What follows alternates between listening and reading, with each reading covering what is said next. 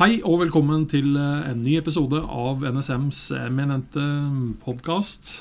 Mitt navn er Roar Thon, og jeg sitter her sammen med Anders Bjønnes. Han er underdirektør i NSM, og vi er nå på vår andre episode samtale om eh, sikkerhetstjenestenes og NSMs eh, historie. Vi har ennå ikke kommet dit at vi har blitt NSM da, i praten vår. Vi får se hvor vi ender opp nå, Anders. Men uh, vi sluttet jo i, realiteten uh, i forrige episode ved å snakke om etterkrigstiden. Uh, at ting sånn sett da, etter litt omorganisering osv. hadde falt litt til ro. Man hadde da Politiets overvåkningstjeneste, man hadde Etterretningsstaben og man hadde Sikkerhetsstaben. Og det skjer jo mye. Det er kald krig, og alle tre tjenestene må sannsynligvis si å jobbe for fullt med det de da har av sine ansvars- og arbeidsoppgaver. Men så skjer det noe rundt altså 1989.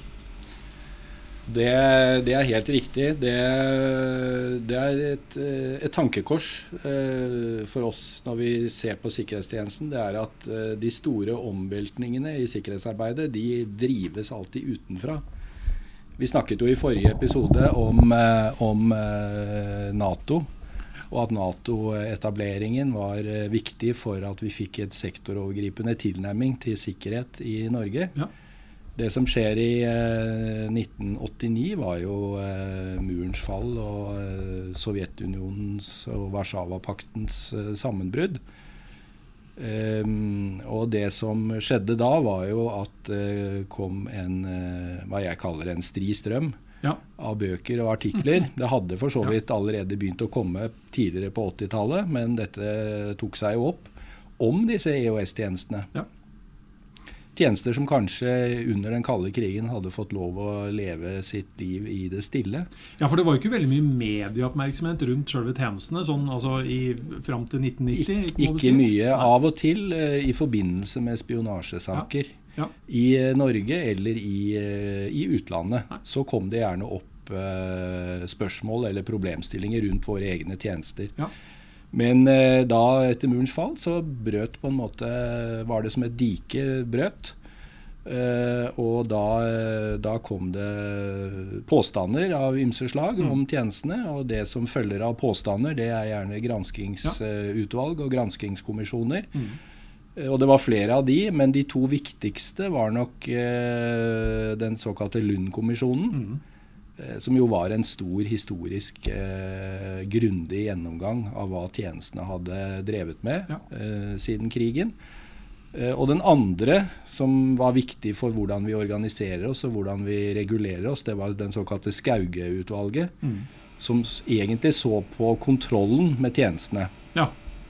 Så er, er, det, er det, da forløperen til EOS-utvalget? Ja, det er der. EOS-utvalget starter. For det, deres hovedforslag var jo at vi trenger et uh, parlamentarisk oppnevnt uh, utvalg. Mm.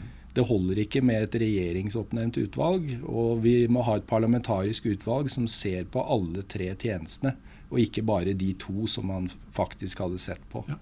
Men, men, var det Altså, jeg husker i hvert fall fra litt i den tiden, eh, både det jeg har lest og selv eh, si, opplevde, at det var jo de som hadde den tilnærmingen at idet muren falt, så ble det nærmest slutt på all spionasje, terror og elendighet i verden. for å si på den måten, Så man trengte jo plutselig ikke disse. Var, altså, var, var de diskusjonene oppe på et, altså på et, offisielt nivå, bortsett fra at enkeltindivider da var av den formening?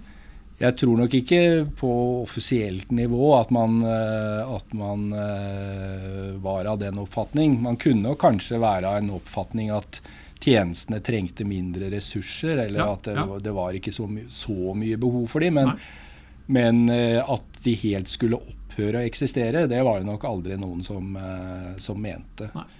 Uh, men, men den avholdenheten man hadde hatt mm. under den kalde krigen, fra liksom å gå inn i, I diskusjon og, ja, om disse tjenestene, den, den, det forsvant på en måte. Ja.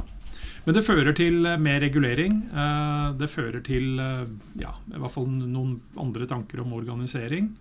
Og hvor ansvaret skal ligge. Ja, og egentlig så, så Jeg nevnte Skauge-utvalget og det at de foreslo en, regjering, parlamentarisk, en parlamentarisk kontroll med, med tjenestene. Ja.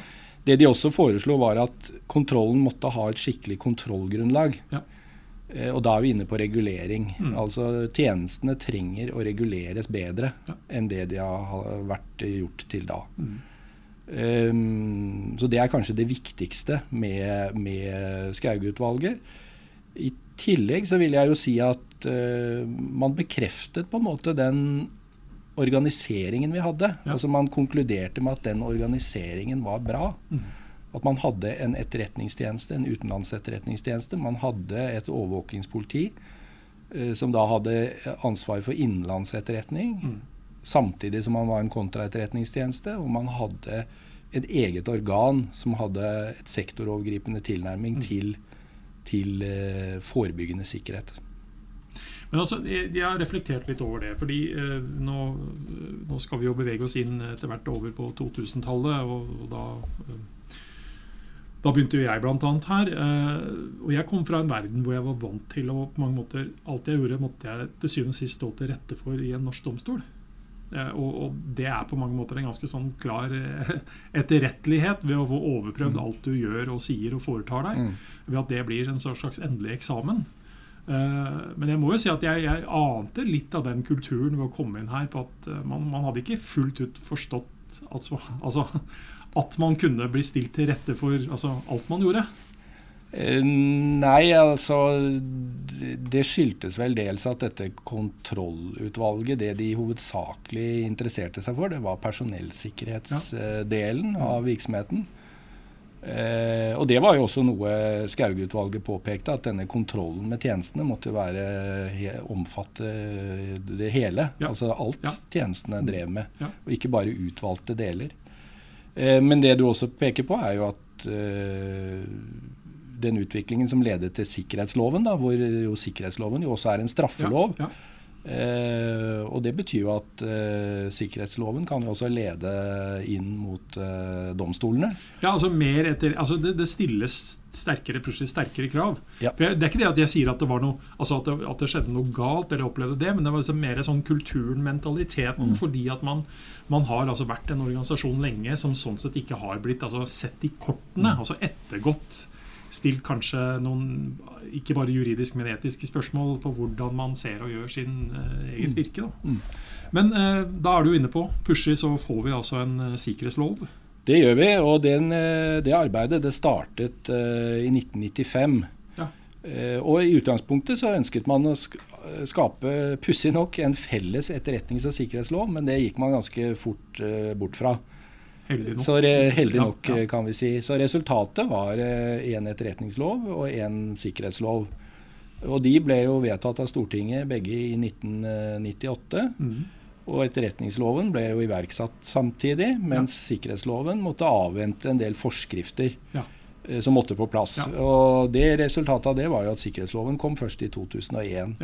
Når det gjaldt politiets del av dette bildet, altså overvåkingstjenesten, så var nok Skauge-utvalget av den oppfatning at det var godt nok dekket gjennom politiloven. Ja. Så, eh, og øvrig, altså straffeprosessuelle og ja. Nettopp. Så, så i, eh, ved utgangen av 90-tallet så hadde man da en, eh, en adekvat eh, lovregulering av samtlige mm. Eh, tre tjenester. Ja. Så man får her en mer sånn systematisk tilnærming med altså en lov på toppen. Altså for nå kan vi herfra ut snakke om forholde oss til sikkerhetsloven. Uh, med altså, både altså, det som tidligere kan sies har vært direktiver og, så videre, og instrukser, det kommer nå kanskje i mer forskriftsmessig form. Altså, det, kommer ja. det, kommer i en bedre form, og ja. det kommer i en mer helhetlig form. Ja. Eh, for vi skal jo huske på at uh, selv om vi hadde hatt denne sikkerhetsinstruksen fra 1953, som da gjaldt i samfunnet i bredt, så var den altså supplert av en lang rekke instrukser, øh, øh, direktiver, veiledninger. og Noen av disse gjaldt bare for Forsvaret. Ja. Mm. Eh, noen gjaldt for deler av sivilsamfunnet ja. osv. Nå fikk man en mer helhetlig ja, tilnærming. Sektorovergripende regler, rett og slett. Ja. Rett og slett. Ja. Men eh, man opprettholdt jo også i dette bindingen til Nato. Da, og altså, måtte jo også ha et løp opp imot ja. at vi fortsatt var et Nato-medlem. Det er helt ja. riktig. og Tanken var jo at uh, man skulle ikke ha et såkalt tosporet løp. Det skulle være ett sett med regler, og de reglene man hadde nasjonalt, de skulle også være slik at var du innenfor de nasjonale reglene, så var du også innenfor Nato-reglene. Mm. Og så dukker det opp et nytt uh, si, begrep, eller jeg vet ikke om det er nytt, men uh, objektsikkerhet begynner man plutselig å snakke om på den tiden. Ja, det er et interessant uh, felt. kanskje et felt jeg har litt spesiell tilknytning til. For mm. jeg jeg ledet i sin tid et arbeid med å ta fram mer detaljerte bestemmelser på det feltet ja. omkring år 2000-2001. Men først litt bare en, en, kommentar om dette med informasjonssikkerhet før jeg går på objektsikkerhetsområdet. Mm, informasjonssikkerhet var jo altså noe som hadde ligget der lenge. Ja. Helt fra 1953. Og loven på dette punktet var veldig mye en kodifisering, da, som vi kaller det, av de tidligere direktivene, instrukser og retningslinjer. Eh, mens objektsikkerhet det var et veldig nytt tema. Mm. Eh, man hadde fått øynene opp for dette med kritisk infrastruktur. Eh, at samfunnet hang veldig tett sammen på området kritisk infrastruktur. Mm. Hvis noe ble slått ut, f.eks. ved en sabotasjehandling i én sektor, så kunne dette få konsekvenser også i andre sektorer. Eh, og fram til sikkerhetsloven da, så var det jo i beste fall regulert kun i sektorlovgivning. Ja. Eh, og man stilte spørsmål burde det ikke være noen felles regler mm. for f.eks. kritisk infrastruktur ja. og andre eh, viktige objekter for samfunnet. Det, da er vi jo tilbake igjen at Samfunnsutviklingen har jo også det at det at dette puslet begynner å bli kritisk, er jo fordi at man altså, gjennom teknologi og utvikling får ting til å henge sammen på en helt annen måte enn det man hadde i gamle dager. Nettopp, nettopp. Eh, slik at om vannforsyningen forsvant et sted, så, var, så kunne man nærmest eh, 400 meter bortafor ha en annen vannforsyning som fortsatt fungerte. Nettopp. For å si det igjen bare i et overført eh, betydning. Um, ja, eh, Men var det, noe, var, det, var det, enkelt å få til dette her? Altså, Nei, det var en eh, Det var, en, eh, det var vanskelig. Ja. Det var både vanskelig konseptuelt og det å snekre juridiske bestemmelser rundt dette. For disse bestemmelsene de, de skulle jo virke da reparerende. Altså mm. Man kunne jo tenke seg at i noen sektorer så hadde man tilstrekkelige bestemmelser. Sånn, ja. Man hadde i hvert fall bestemmelser et langt på vei. Ja. Mens i andre sektorer så hadde man kanskje ingenting. Nei. Og for å skape et fundament for he en eh, helhetlig tilnærming, så måtte sikkerhetslovens bestemmelser virke såkalt reparerende. Og det er et, et uh, krevende uh, en krevende konseptuell tilnærming. For da, vi er, vi er, altså jeg, jeg, pleier å si at jeg kom hit i 2003, og da mm. hørte jeg veldig mye om objektsikkerhetsforskriften. Nå var den på vei, og den lå, lå, lå sånn sett klar og gjorde at vi kunne drive både tilsyn og følge opp dette på en det, annen måte. Det stemmer, og jeg husker jo at jeg selv sto på flere konferanser og sa at nå, den, nå har vi den snart. Ja. Og til slutt så trodde jo ikke folk på meg, fordi dette hadde jeg jo sagt i mange år. Ja. Eh, men det skulle først lages en, eh, en lov, eh, forbedret lovtekst på området. Det skulle lages en utfyllende forskrift. Og for at da loven med forskrift skulle tre i kraft, så skulle det altså gå hele ti år, altså i 2011. Ja. 1.1.2011 var det vel, så trådte bestemmelsen om objektsikkerhet De endrede bestemmelsene ja. om objektsikkerhet i kraft. Mm. Og da hadde vi jo eh, allerede i 2001 så opplevde vi jo angrepet på Twin Tower. Ja. Vi, vi, fikk en utsettelse i vårt arbeid for liksom å sanke erfaring med det. Ja. Mm. Uh, midt oppi dette så hadde vi eh, det såkalte infrastrukturutvalget i 2004, som vurderte viktige sider ved sikring av infrastruktur i Norge. Vi måtte avvente dette utvalgets konklusjoner. Så, så, tingene tok, tok tid. Ja. Men uh, det skjer jo litt andre ting her uh, enn bare objektsikkerhet og informasjonssikkerhet som sådan. Fordi man begynner også å se på hvordan man skal organisere dette her. Ja, og da er det jo viktig å huske på at uh, dette sektorovergripende sikkerhetsarbeidet, som da hadde fått en sikkerhetslov som grunnlag, det hadde jo da vært en del av Forsvarets sentrale altså det, Ansvaret for det hadde jo ligget i Forsvaret helt siden eh, starten, 1953. Um, I en egen stab da, fra 1965. Um, men nå hadde vi altså fått en sikkerhetslov med et utvidet nedslagsfelt. Um, man så særlig for seg at dette med objektsikkerhet det ville treffe sivil side i stor mm. grad. Ja.